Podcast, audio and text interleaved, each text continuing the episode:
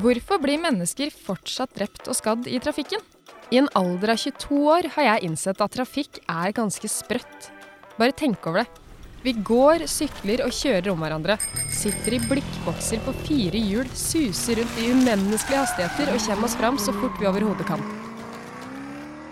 Og det her ses på som helt naturlig. Men ulykker skjer, både små og store. Likevel fortsetter vi, og da er spørsmålet hvordan skal vi egentlig klare å ta vare på hverandre når alt går så fort? Hvorfor utfordrer vi mennesker trafikksikkerheten? Hva er det som er så vanskelig, egentlig? I denne podkasten forsøker jeg å komme til bunns i dette. Bl.a. ved å prate med eksperter, råkjørere, en adrenalinjunkie og en trafikkdømt. Noen ganger går det fryktelig galt. Jeg skal prate med mannen som soner Norges lengste trafikkdom etter et mislykka sjølmordsforsøk bak rattet. Jeg heter Synne, og dette er Utrygg trafikk.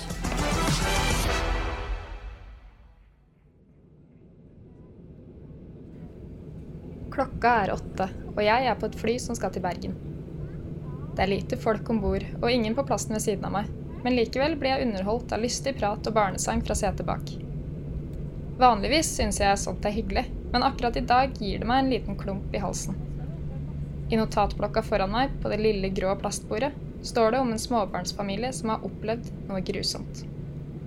På samme side står det om den unge, suicidale sjåføren som har skylda for tragedien, og som jeg er på vei for intervju i fengsel. Der soner han en dom på 16 år etter det som skjedde natt til første nyttårsdag 2018. En bil er på vei hjem fra Oslo lufthavn. Det er vinter, det er mørkt, og E18 mot Skien er nesten helt stille. For noen timer siden, før flyet landa, lyste himmelen opp av fyrverkeri i gull og sølv over den kalde asfalten. Nå er det igjen bare gatelykter som varmt lyser opp veien hjem. Familien på fem har vært på sydenferie. Far er sjåfør, mens mor sitter bak for å trøste den yngste av de tre små barna. Eldstemann har sovna stille i framsetet. Ute er det kjølig. De er snart framme. Klokka nærmer seg halv fem. Denne natta kjørte en berusa, suicidal 21-åring med høy hastighet i motsatt retning på samme vei som familien. For noen timer siden hadde han vært på fest, og nå skulle han ta sitt eget liv. Denne sjåføren er jeg på vei for å treffe.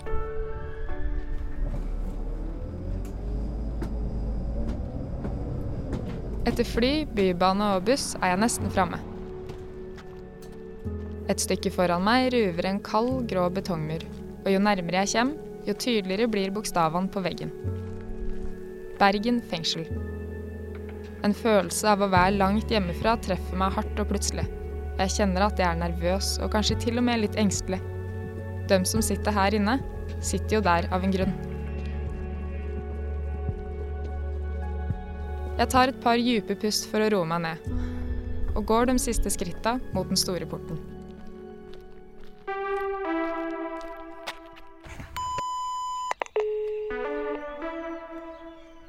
Hallo. Hei, det er Synne. Jeg skal Synne? Ja, Synne Skinlo. Ja, du er fra Trygg Trafikk, du. Ja, stemmer. Har du vært der inne før? Eh, nei, aldri. Nei, Da kommer du gjennom slusen, og så skal du bare fortsette rett fram eh, inntil et sånt stort betongtak. Skal vi ta imot deg der inne. Ja, OK, takk. Heter du? Oi. Den, vi ta den? Ja, hvis du vil det, så. Takk. Jeg ser eh, voldsomt svett ut, for jeg gikk, eh, jeg gikk av et busstopp for tidlig. Oh, ja, ok.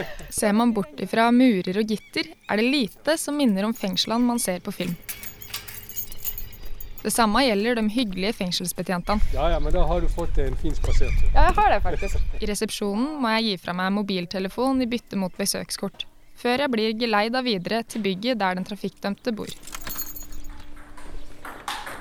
Det første jeg blir møtt med, til min store overraskelse, er to karer som spiller bordtennis. Videre innover sitter de innsatte i sofaer og prater sammen. Noen smører seg brødskiver på kjøkkenet, og jeg får øye på en stabel med brettspill i et hjørne. Det er lett å glemme at mange av dem soner lange dommer for grove lovbrudd. Omsider kommer vi fram til det lille rommet hvor intervjuet skal foregå. Veggene er kommunegule. Lufta er stillestående, og det er akkurat plass til et lite kaffebord og to lenestoler. Fyren jeg skal prate med, heter Øystein. Han har velproporsjonerte trekk, er nybarbert og kortklipt. T-skjorta avslører ingen tatoveringer, men viser derimot sterke armer med sunn og frisk farge. I olabukse og joggesko ser han ut som en helt vanlig 24-åring. Ingen kan se at det her er noen som har tilbrakt tre år bak lås og slå. Til å begynne med er det blå blikket hans flakkende. Men det tar ikke mange sekunder før et kvitt smil overtar. I alt framstår han som rakrygga og sjølsikker, og svarer klart når jeg spør om livet i fengsel. Sånn når man kommer langt nok inn i soningen, så er det sånn her eh, Dagene bare glir i ett. Og tirsdag, onsdag, torsdag, de bare forsvinner. Lørdag, søndag, de òg forsvinner. Så er det liksom Oppdager du Å, faen, det er mandag igjen. Og nå er det fredag. Shit, der var det mandag igjen. Men åssen var livet ditt eh, på utsida før, før alt det her? Vil du si det var ganske greit, egentlig. Jeg hadde jo, eh, hadde jo jobb, da. Bil. Uh, hadde en leilighet jeg bodde i, huset skulle pusse opp. Egentlig, egentlig veldig greit. Gode forutsetninger for å trives. Hadde noen hobbyer og sånt, for eksempel? Nei, det var litt lite, egentlig. Det var jo Det var ikke så mye mer annet enn eh, arbeid og alkohol. Ja, ikke sant. Er det alkohol da i forbindelse med venner og sånt, eller? Ja, det, det begynte sånn i hvert fall. Til tross for at Øystein i utgangspunktet hadde det ganske greit, skjedde det noe med humøret hans i månedene før nyttårsaften. Sånn to-tre måneder forut for, eh, for hendelsen, da, så begynte det å gå skeis, egentlig. Da eh, Sånne små ting. da, litt Mistrivdes bitte litt, og eh, så begynte det å utarte seg i at, eh, at jeg drakk hjemme, da. Mellom skiftene så ble det mer og mer, og det eskalerte. Jeg vil ikke si at det førte til hendelsen, alkoholen, men det var mer et symptom på, på eh, helsetilstanden. Hva, hva var det du mistrivdes med? Liksom? Hva slags tanker var det som begynte å akkumulere? Eh,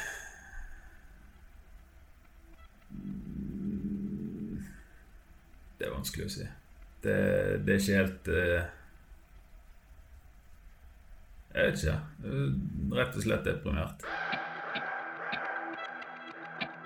Det var vel først desember. Sånn slutten av november, begynnelsen av desember. Da gikk det nedover. Og det gikk nedover fort. Det var et julaften jeg jobbet, da. For det er sånn ofte når du jobber skifter, så har du typisk enten så har du julaften, eller så har du nyttårsaften. Ja. Du skal jobbe da. ja. Da, da hadde jeg julaften, og så har jeg fri nyttårsaften. Skulle egentlig på jobb første nyttårsdag. Var det òg i desember at du begynte å få suicidale tanker? Ja. Åssen åssen starta det? Det kom, kom og gikk egentlig, da. Litt, da. Gjerne òg i takt med, med alkoholen, da. Det kunne Innimellom kunne slå feil. Ofte så var det, var det noe rolig, egentlig, da. Så greit, da. Mens innimellom så slo det ganske feil. Hva mener du med det? At uh, Men at iste- istedenfor at jeg fant roen, da, så, så var egentlig bare alt dritt. Hadde du noen konkrete planer, eh, liksom? Eller var det bare en sånn flyktig sånn at man vil ta livet av seg? Mm. Nei, det, jeg hadde ikke noen konkrete planer, egentlig, men Så hadde jeg noen tanker innimellom, men, eh, men så var det eh, Det var egentlig bare en impuls som manglet for at det skulle skje, og da eh, Det skjedde da nyttårsaften. Da var det, det var to hendelser på rappen som bare gikk helt feil, og da Da var det nok. Det gikk jævlig dårlig. I det korte og det hele da, så ender det opp med at at jeg ikke føler meg helt forstått, da. Det er tydelig at Øystein sleit, men at det skulle gå så galt som det gjorde, er fortsatt vanskelig å ta inn over seg. Jeg ber han fortelle med egne ord om hva som skjedde den kvelden det smalt. Det var først, et slags raseri og, og sinne, men det roet seg veldig fort, og så var det egentlig bare helt stille. Det var veldig merkelig. Det var egentlig bare stille. Jeg husker ikke så veldig mye ut av turen, men eh, jeg husker den merkelige følelsen av stillhet.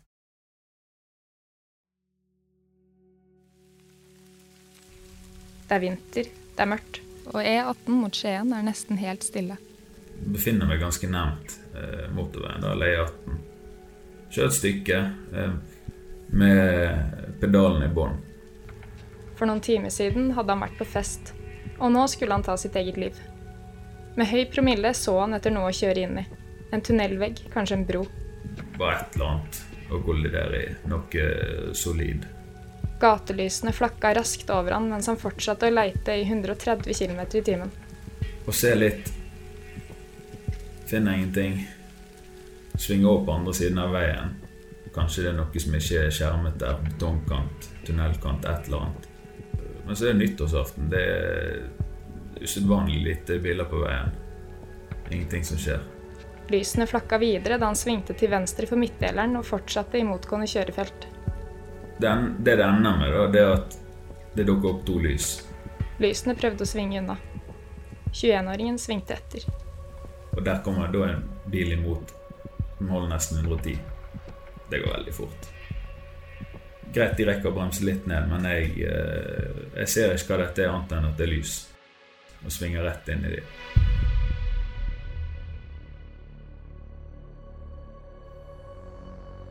Familiefaren døde momentant. Mor fikk livstruende skader og lever nå med varige men. Ett av barna ble hardt skadd. Alle ble dypt traumatisert.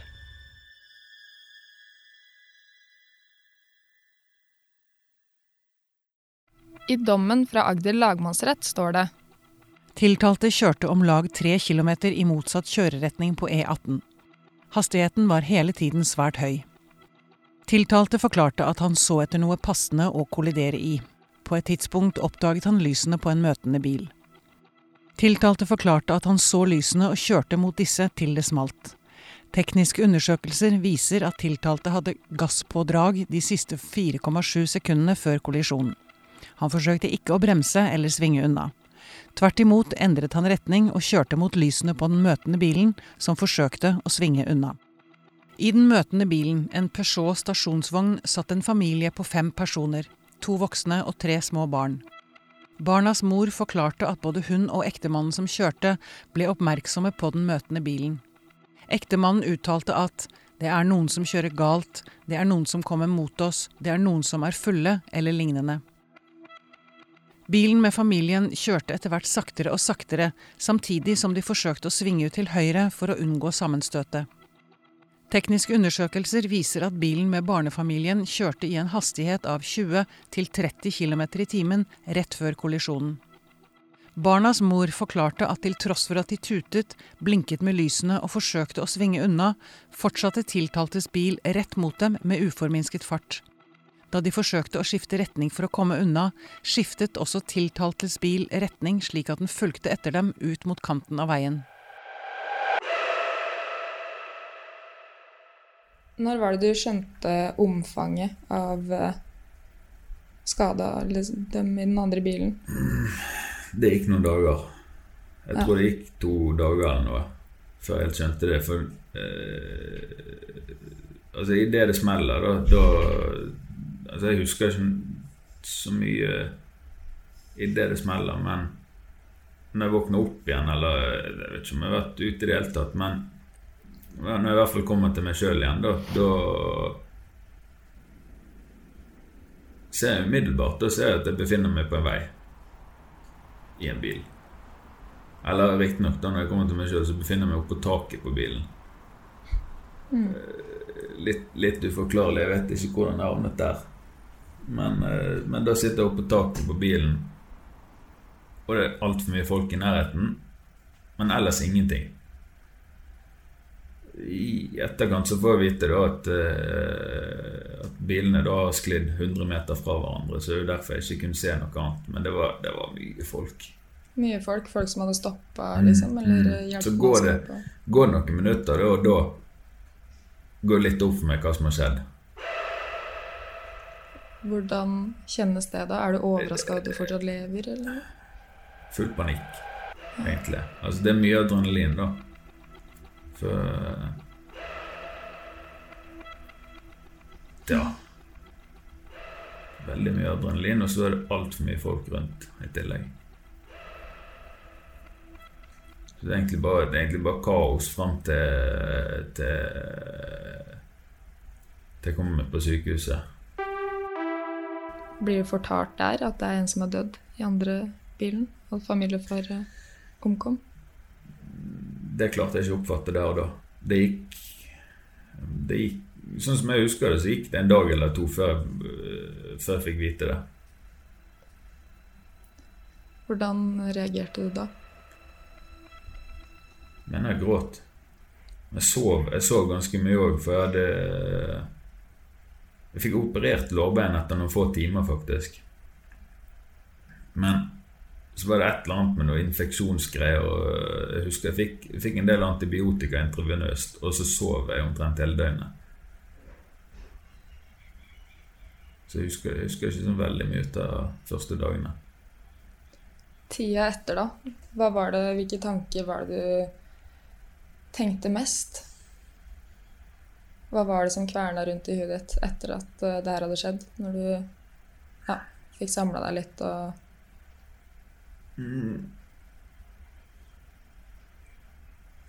Jeg var lurte på hvordan det kom til å bli framover neste måned, ukene, månedene. Hva som kom til å skje. Eh, akkurat Akkurat der og da så hadde, så hadde jeg mest Altså hadde nok med meg sjøl, egentlig, da. Selvmordstanken og alt det der, det, det bare slapp da. Det slapp, Ja, ja det, det var veldig rart. Når var det du begynte å tenke på dem i den andre bilen, liksom? Når eh, kom det snikende? Er det noe du har klart å forsone deg med, eller? Ja. Tankene om det det kom og gikk egentlig litt sånn innimellom. Og ja. Men sam, samtidig så sånn, En ting òg som jeg merker eh, går, igjen, går igjen hos en veldig mange eh, innsatte òg, det er jo at, at man gjerne prøver å spille ned alvoret i situasjonen. Mm. At du fortrenger det litt, liksom? At Ja, man- ja, ja. At det, var ikke, det var ikke så ille. Det var, dette er jo bare en ulykke. Men du tenker annerledes på det nå, kanskje, enn du gjorde Ja, altså, jeg var jo i to rettsinstanser, og dette Begge to kom jo helt klokkeklart fram til at dette er forsettlig drap. Og da må jeg nærmest forholde meg til at det er det. Mm. Det, det, er, det er ikke noe alternativ å tenke på noe Tenke at det, det er jo ikke en ulykke, det, en, det var jo en villet handling. Det var jo det. Det verste i dag hva, hva er den tyngste tankene nå, når du tenker på, på det her som har skjedd? Har du, kjenner du mye på dårlig samvittighet og skam, f.eks.?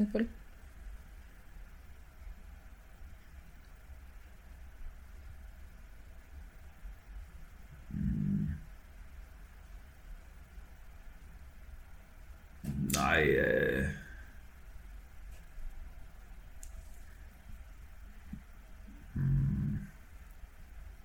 Egentlig Det er ikke noe jeg tenker over så veldig ofte, egentlig. Det, det er jo det med å sitte her i fengsel. Det er at du får en rutine og faller inn i den veldig fort. Og så lever man inn i Jeg holdt på å si en boble, her, da, men det er jo slags lite samfunn. Liten by.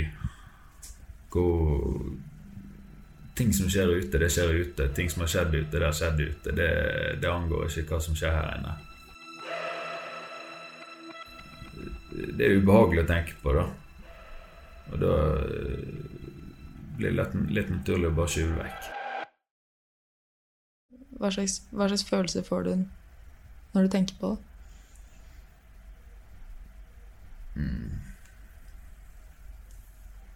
Det er noe jeg unngår å tenke på, egentlig. Eh, Har du, har du noen gang prata med den pårørende? Nei. Nei. Nei, det som jeg husker, jeg husker veldig godt jeg møtte opp i Lavik tingrett, og så Så skjønner jeg jo da hvem som er for, har kommet for å være tilskuere i eh, saken, da, og det står Lavik tingrett er ikke så veldig stort. Det er, sal 2 der er relativt liten. Og det sitter altså svært mange mennesker, og alle skoler. Og Litt skremmende, egentlig. Men så samtidig òg denne følelsen av å være en, være en belastning. Det er like skremmende, det òg.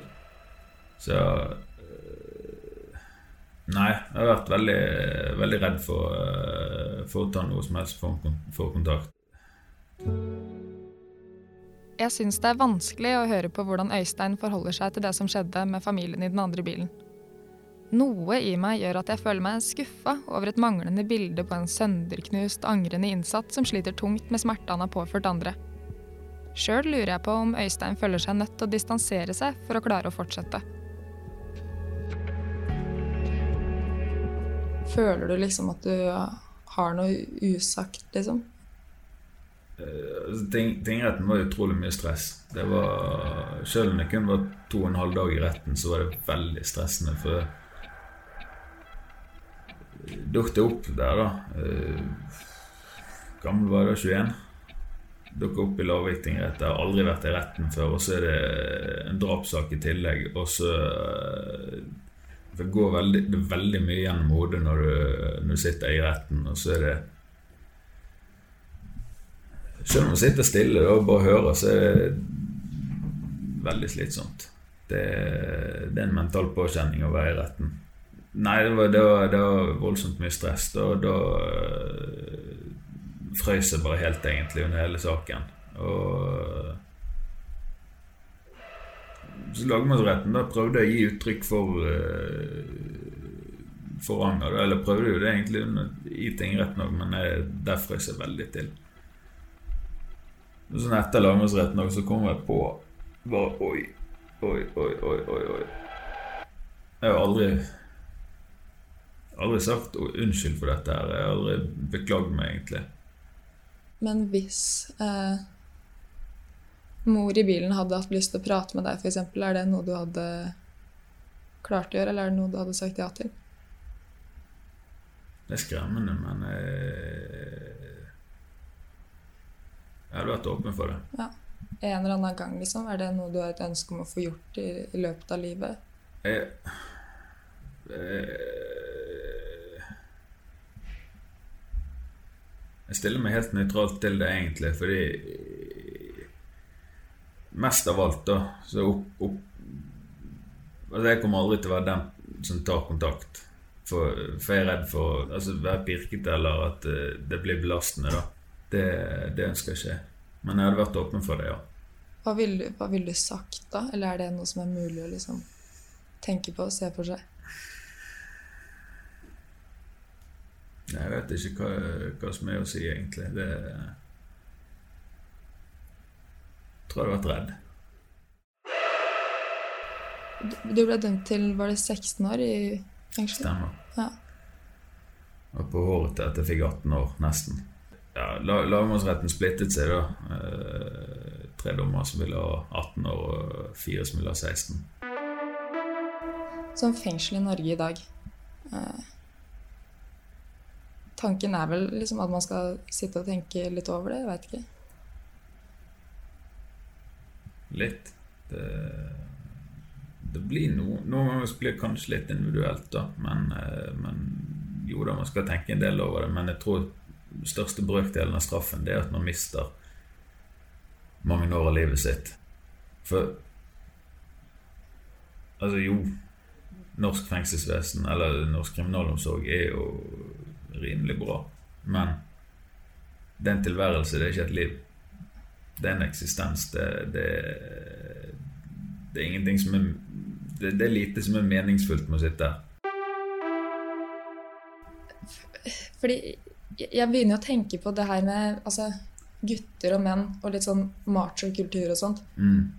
Føler du at Tror du at livet ditt kunne vært annerledes hvis det var mer åpenhet rundt å prate om psykisk helse? Som kompiser imellom, liksom? Hvis det var en vanligere greie for gutter? Det ville jo vært helt løka med å si nei, for det svarer i hvert fall ikke nei. Men det er, ja, jeg, vet, et jeg vet ikke om det hadde vært noe annerledes akkurat konkret i mitt tilfelle om det hadde vært mer åpenhet, men det er en sannsynlighet for det. En sterk sannsynlighet for det. Det kan være. Altså, det, viktigste i en sånn situasjon sånn som jeg var i, det var, var for hjelp av noen jeg stolte på. Mm, Det jeg ikke tenkte, eller jeg ikke skjønte den gangen, da, at det var hvor, hvor lite egentlig som skulle til. Hvor, hvor nært jeg var av å få helt nok. Ja, du var liksom på, på bristepunktet. Mm. Uten å helt skjønne det sjøl. Dersom jeg skal stille opp i noe, så må det ha en eh, Altså, det må ha noe, sånn her, noe som er positivt for samfunnet ute. Jeg, jeg stiller ikke opp bare for å si hva som skjedde. Det, det, det Da vet jeg på en måte at jeg sitter og plager, eh, plager de etterlatte. Det kan ikke gjøre noe sånt.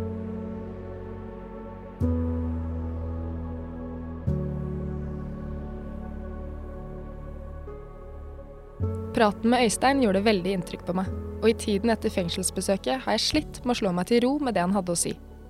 Hvorfor tenker han ikke mer på familien i den andre bilen? Og hvordan kunne han svare noe annet enn ja da jeg spurte om han angra? Frustrert og forvirra lurer jeg på om det fins en djupere forklaring på hvorfor Øystein virka så kald. Derfor ber jeg rettspsykiater Randi Rosenquist om hjelp. Og det første jeg spør om, er om det i det hele tatt fins en normal måte å reagere på når man har tatt et annet menneskes liv. Jeg tror jo at for de aller, aller fleste i dette landet, så vil det være et traume de aldri kommer over. Du kommer til å leve med det resten av livet, og du kommer sikkert til å kunne ha det hyggelig og sånt noe også, men det kommer hele tiden til å være der. Hvordan kan det påvirke livet ditt? Ja, altså på så mange vis. Altså hvis man har tatt livet av noen andre, så kan man jo til å begynne med prøve å benekte, omskrive, det var egentlig ham eller meg, det var en feil, det, det, jeg hadde egentlig ikke skyld, det var ikke sånn det skulle være. En hel del sånn om, omskrivninger for å, for å, å si at, at det var egentlig ikke så ille, og det var bare uflaks at det ble drap. Jeg kjenner jo også en som er dømt for et drap, som har insistert i 15 år på at han ikke har gjort det, men, og sier at hadde jeg gjort det, så mener jeg jo at jeg burde ha fått dødsstraff. Og, og, og det tenker jeg kan være en, en, en psykologisk måte å, å beskytte seg mot det skrekkelige inntrykk det er å ha gjort det.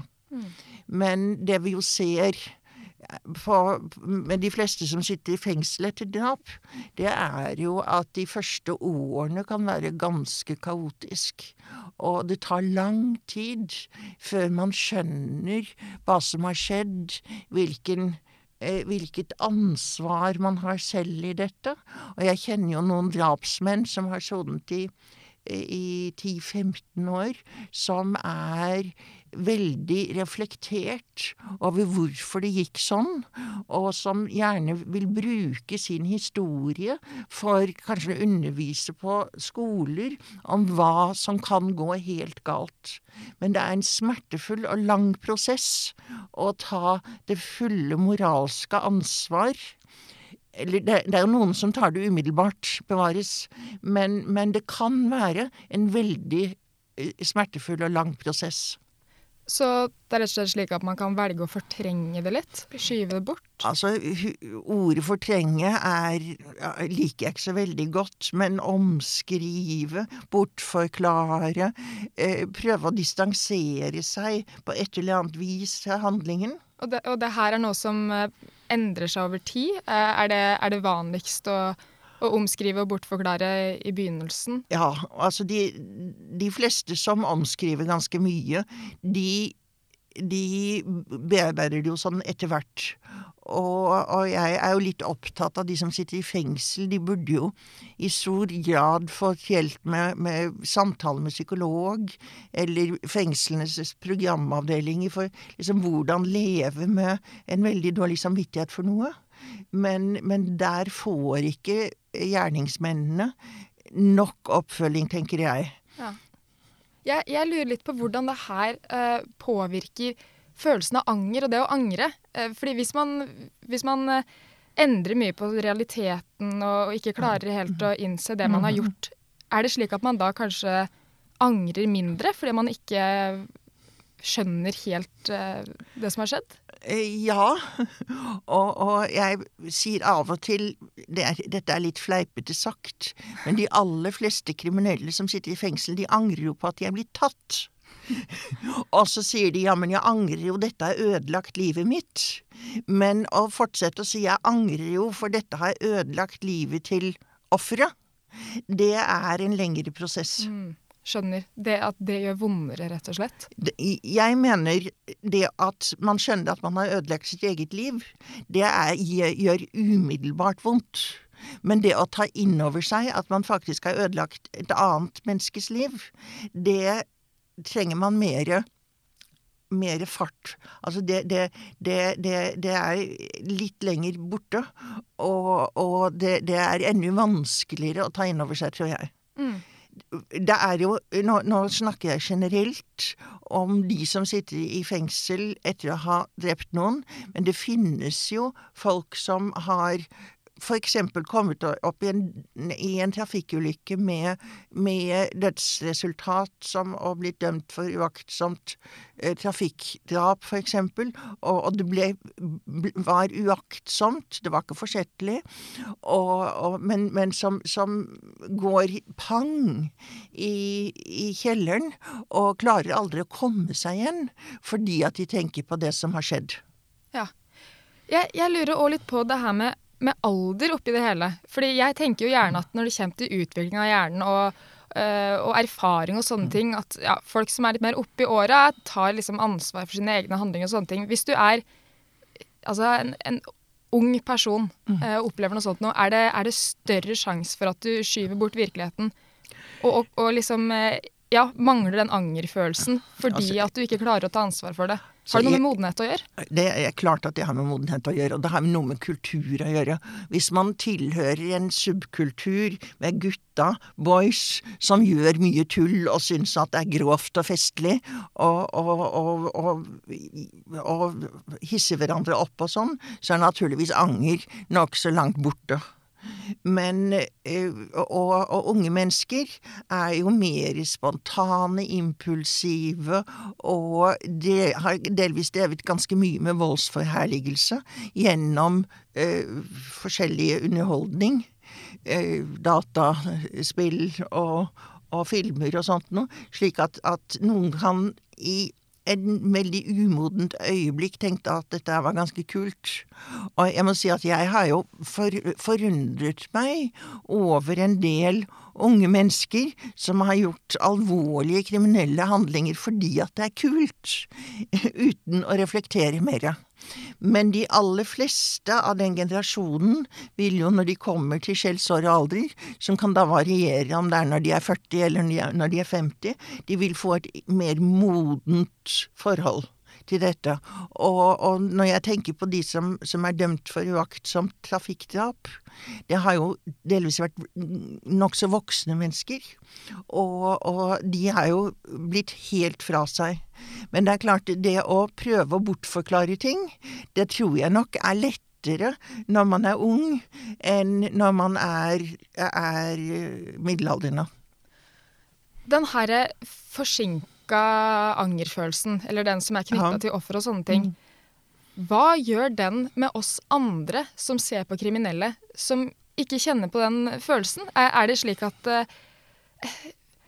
kan vi andre Det er så vanskelig for en pårørende for eksempel, da, å forstå at et menneske kan si at ja, nei, jeg angrer ikke så mye på det, eller sånn, går ikke an å tenke ja. på det. Hvordan skal det forklares til pårørende og de som Det- sitter igjen? Det er veldig vanskelig. Og, og jeg har jo stort sett forholdt meg til de kriminelle, og ikke til pårørende. Og jeg skjønner at en del holdninger som de kriminelle har, er veldig provoserende for de pårørende.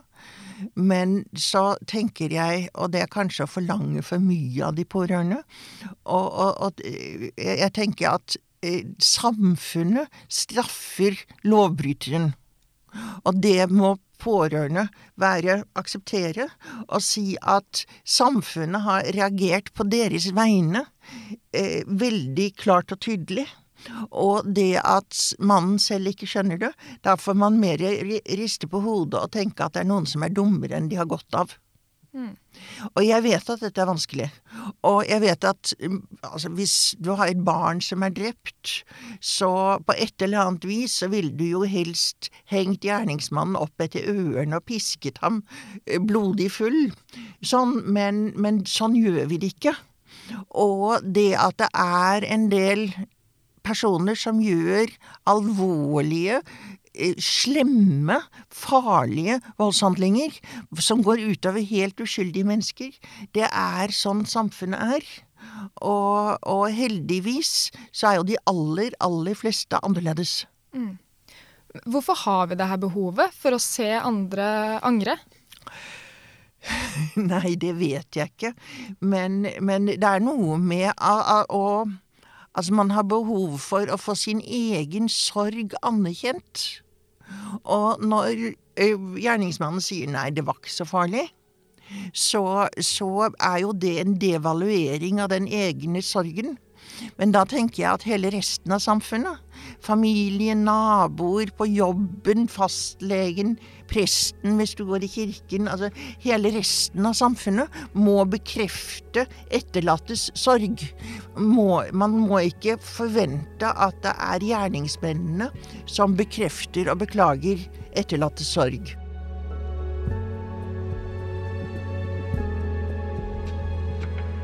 Veien til anger viser seg å være mye mer komplisert enn jeg først trodde. Traumer, skam og dårlig samvittighet er følelser vi mennesker helst vil unngå, og i visse tilfeller kan det føre til at man distanserer seg fra ting som har skjedd. Det er umulig å si akkurat hva som gjelder i Øysteins tilfelle, og hva som kommer til å gjelde i framtida. Om ti år vil han kanskje svare helt annerledes, men det veit vi bare ikke. Én ting er nemlig straffen ved å dømmes til fengsel. En annen ting er straffen som kommer når man angrer. Og det skjer ikke alltid samtidig.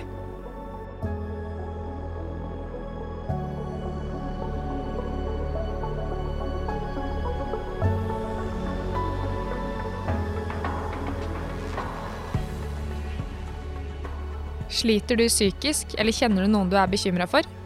Ta kontakt med Mental Helse, en gratis, døgnåpen telefon- og chattjeneste for alle som trenger noen å prate med. Nummeret deres er 116 123.